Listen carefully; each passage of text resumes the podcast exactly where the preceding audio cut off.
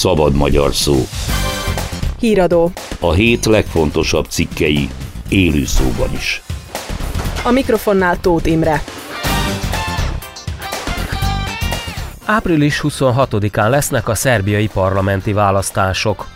Keményen bírálta Vucicot a koszovói jelentéstevő. Gyermekpornográfia gyanújával vettek őrizetbe egy ismert újvidéki divattervezőt. Bás Gyula falva, legyen olcsóbb a víz, mert nem felel meg az előírásoknak.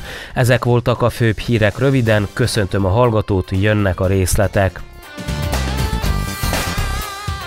Április 26-án lesznek Szerbiában a helyhatósági és parlamenti választások, erősítette meg Nikola Szelákovics, Alexander Vucic szerbelnök főtitkára.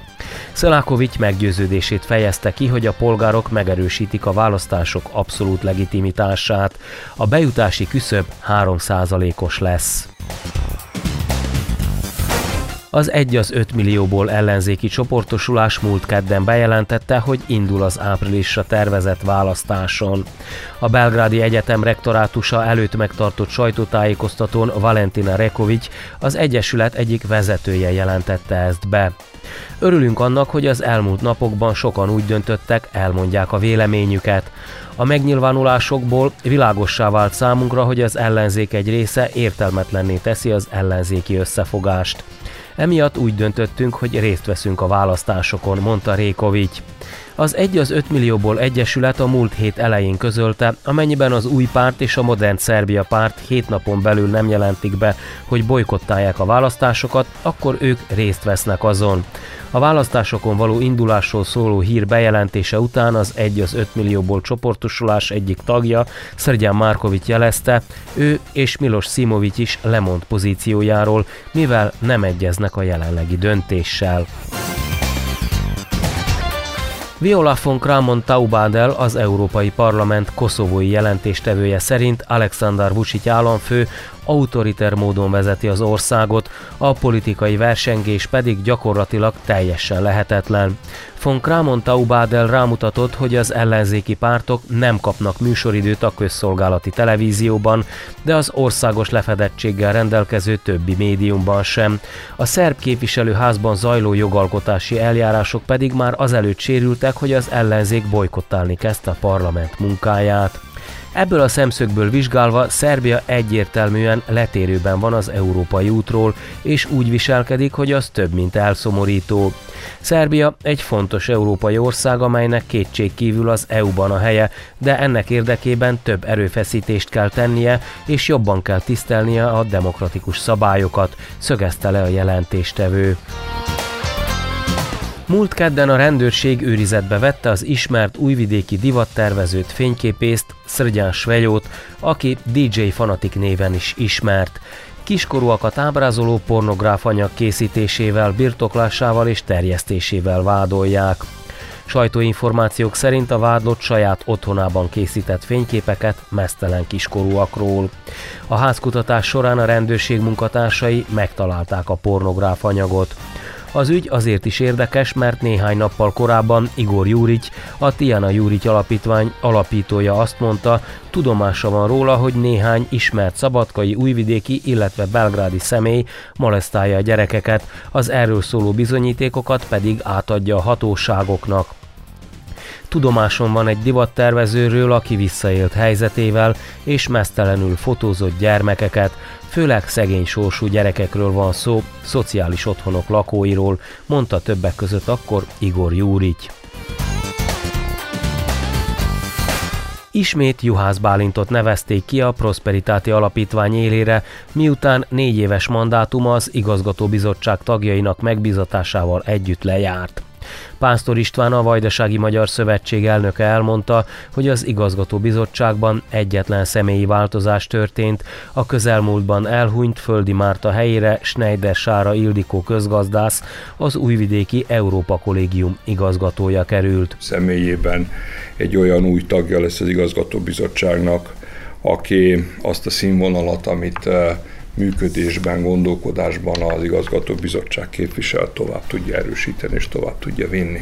Ahogy az igazgató bizottságnak lejárt a mandátuma, úgy a ügyvezető igazgatónak is lejárt a mandátuma. Juhász Bálint az újonnan megalakuló igazgató bizottságtól egy újabb négy éves mandátumot kapott.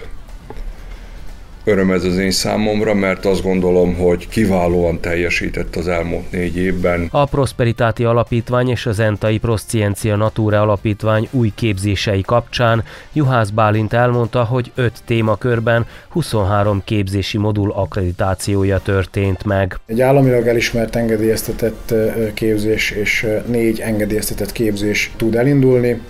Az egyik a szántóföld és kertészeti növényvédelem témakör, ami három modult ölel fel, a méhészet elmélete és a gyakorlata, ami két modult, talajerő és vízgazdálkodás, ami három modult, a mezőgazdasági gépesítés gyakorlata és a precíziós mezőgazdaság három modult, és a mezőgazdasági növénytermesztés hét modult ölel fel.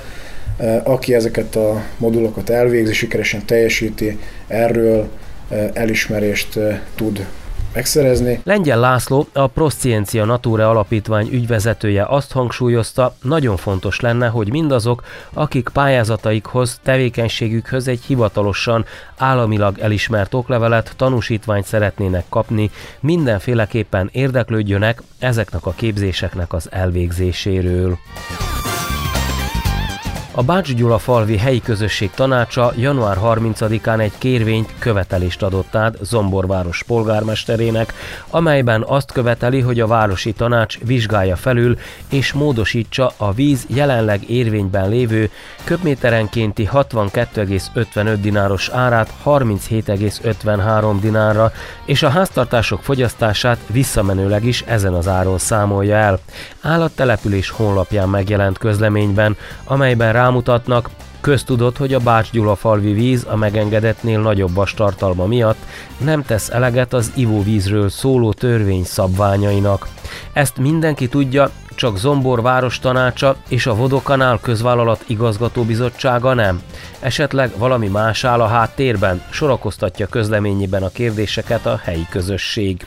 A tanács aláírásgyűjtést indított a településen a kezdeményezés támogatásához.